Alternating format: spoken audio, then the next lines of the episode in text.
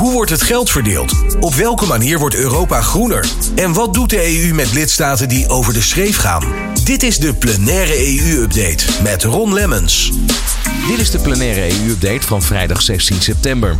Met daarin de volgende onderwerpen. Het Europees Parlement wil het gebruik van hernieuwbare energie versnellen en het energiegebruik als geheel verminderen. In alle lidstaten van de Europese Unie moet er een minimumloon komen dat rekening houdt met fatsoenlijke levensstandaarden. En in het Europarlement groeit de zorg over Hongarije. Volgens het parlement is het land een electorale autocratie, waar de democratie en rechtsstaat voortdurend worden ondermijnd. De plenaire EU-update wordt gemaakt in samenwerking met het liaisonbureau van het Europees Parlement in Nederland. Een meerderheid van de Europarlementariërs stemde woensdag voor het gebruik van duurzame energiebronnen en die te verhogen. In 2030 moet 45% van het totale verbruik aan energie hernieuwbaar zijn. Een parlement nam deze week onderhandelingsposities aan om een aantal wetten hiertoe te herzien. De aangepaste wetten moeten ook duidelijk maken wat elke sector moet doen. De vervoersbranche moet volgens de leden dankzij hernieuwbare energie 16% minder broeikasgassen gaan uitstoten. Dat kan onder meer door gebruik van waterstof en biobrandstoffen. In de industrie moet het duurzame energieverbruik jaarlijks met 1,9% en in de stadsverwarmingsnetwerken met 2,3% verminderd worden. Er is de laatste tijd veel debat geweest over het kappen van bomen voor zogenoemde biomassa. Dat zorgt voor ontbossing. Europarlementariërs hebben daarom amendementen aangenomen waarin wordt opgeroepen om de meeste houtachtige biomassa-brandstoffen langzaam uit te faseren. Los van de versnelde energietransitie moeten EU-burgers en bedrijven ook minder energie gaan gebruiken. Zo stelt het EU-parlement.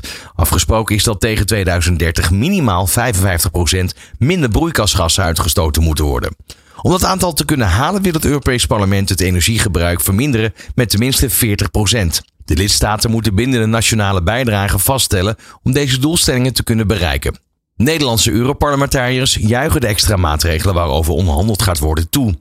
Energieefficiëntie is veel te lang een ondergeschoven kindje geweest in het energiebeleid, zo zegt CDA Tom Berendsen. Energieefficiëntie is veel te lang een ondergeschoven kindje geweest in het energiebeleid. En zelfs nu, nu we zien dat de rekeningen voor huishoudens, voor bedrijven niet meer te betalen zijn, draaien regeringsleiders nog steeds om elkaar heen zonder te komen tot harde afspraken op het gebied van energiebesparing.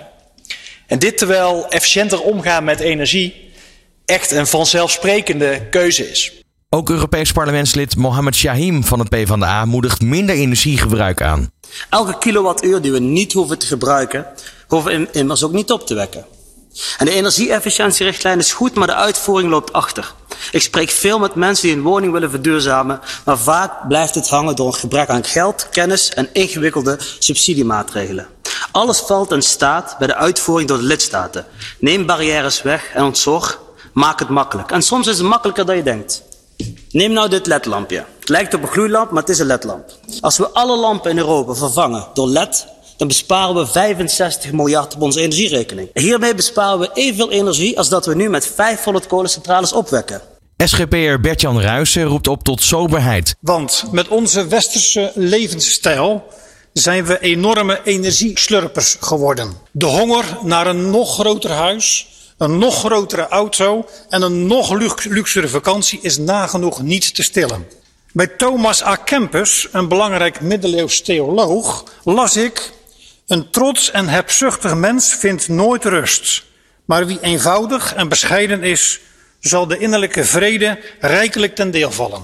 Voorzitter, we moeten dus breder kijken. Niet alleen naar technische maatregelen, maar ook naar onze manier van leven.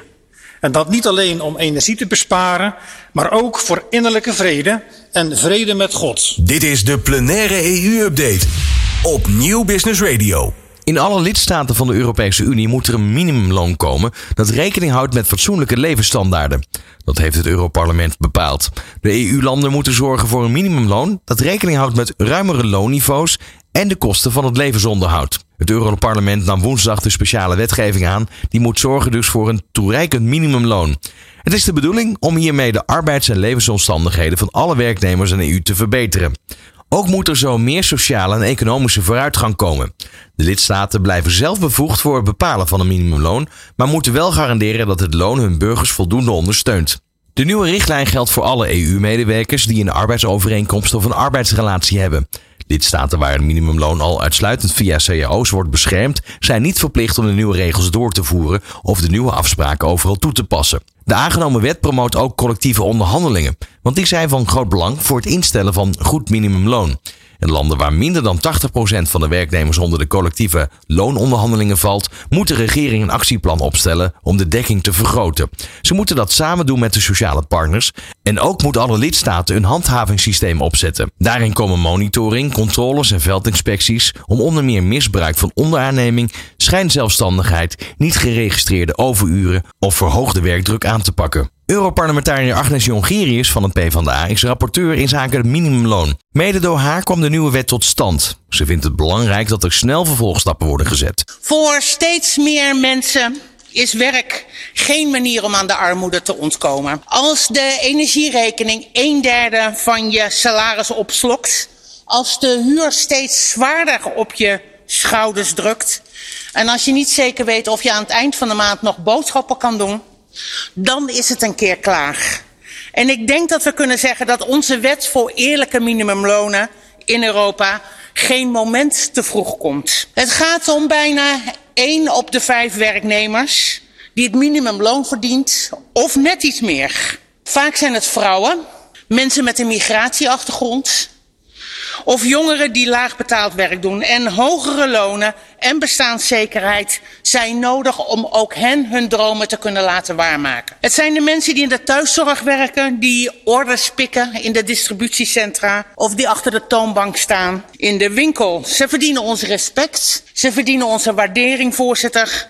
Het wordt tijd voor verandering. Uh, want er staat ons, in mijn overtuiging, een hete herfst te wachten. Vol spanningen en stakingen. Maar meer nog vrees ik de gure winter, waarin mensen moeten kiezen tussen eten op tafel of de verwarming aan. En dat mogen we niet laten gebeuren. Onze wet stelt voorwaarden aan een eerlijk minimumloon. Ze formuleert een ondergrens voor fatsoen. Het moet voorzien in een inkomen waarvan je gewoon kunt rondkomen. En het moet rekening houden met inflatie. Slechts vier van de Europese landen voldoen op dit moment aan die nieuwe fatsoensnorm. En ook had Agnes Jongerius kritiek op de Nederlandse overheid, die op dit moment nog geen stap dichterbij is. Werk aan de winkel dus.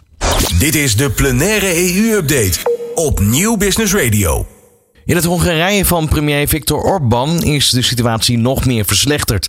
Volgens het Europarlement is het land een electorale autocratie, waar de democratie en rechtsstaat voortdurend worden ondermijnd. De EU heeft te weinig gedaan om de neerwaartse spiraal tegen te gaan. Daar moeten herstelfondsen nu worden ingehouden totdat Hongarije voldoet aan de EU-aanbevelingen, al dus het Europees Parlement. In Hongarije regeert premier Orbán sinds 2010 met een absolute meerderheid. Vanuit die positie heeft de regering de democratische rechtsstaat in het land aangetast. Niet alleen staan vrijheden van burgers, minderheden en de media onder druk, maar ook worden de democratie en Europese waarden verwaarloosd. Hongarije is volgens het Europarlement uitgegroeid tot een hybride regime van electorale autocratie. Waar dus wel verkiezingen zijn, maar waar geen respect wordt getoond voor de democratische normen en waarden. De rechterlijke macht is niet langer onafhankelijk en er zijn corruptie en belangenconflicten. De Raad van Regeringsleiders, die moest optreden tegen de Hongaarse democratische terugval, is onvoldoende in actie gekomen, zo concluderen de Europarlementariërs. Ze benadrukken dat niet alle leiders in de Raad het met elkaar eens hoeven te zijn om vast te stellen dat een lidstaat de EU-waarden schendt. Een meerderheid is voldoende, ook om de aanbevelingen aan Hongarije te geven en deadlines te stellen. In 2018 zet het parlement een artikel 7-procedure tegen Boedapest in gang om te kunnen optreden tegen de schendingen van de EU-waarden. Die procedure is ernstig vertraagd. Iedere nieuwe vertraging zou neerkomen op de schending van het beginsel van de rechtsstaat door de Raad zelf. De Europarlementariërs willen dat de Europese Commissie alle mogelijke middelen tegen Hongarije inzet om de EU-waarden in het land te herstellen.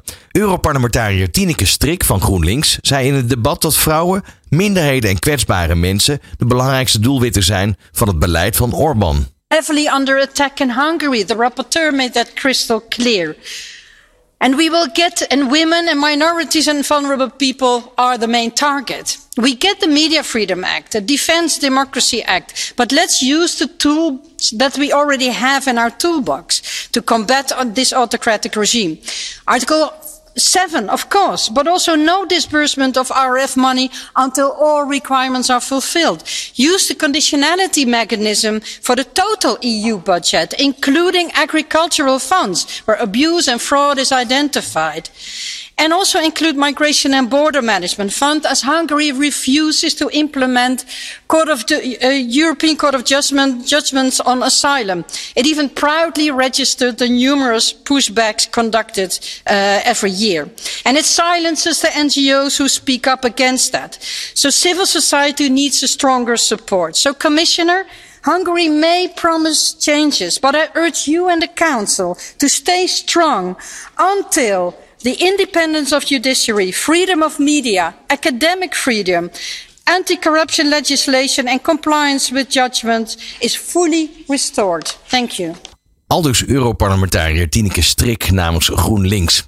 Tot zover deze plenaire EU-update. Bedankt voor het luisteren. Over een maand zijn we er weer. De plenaire EU-update wordt mede mogelijk gemaakt door het Liaisonbureau van het Europees Parlement in Nederland.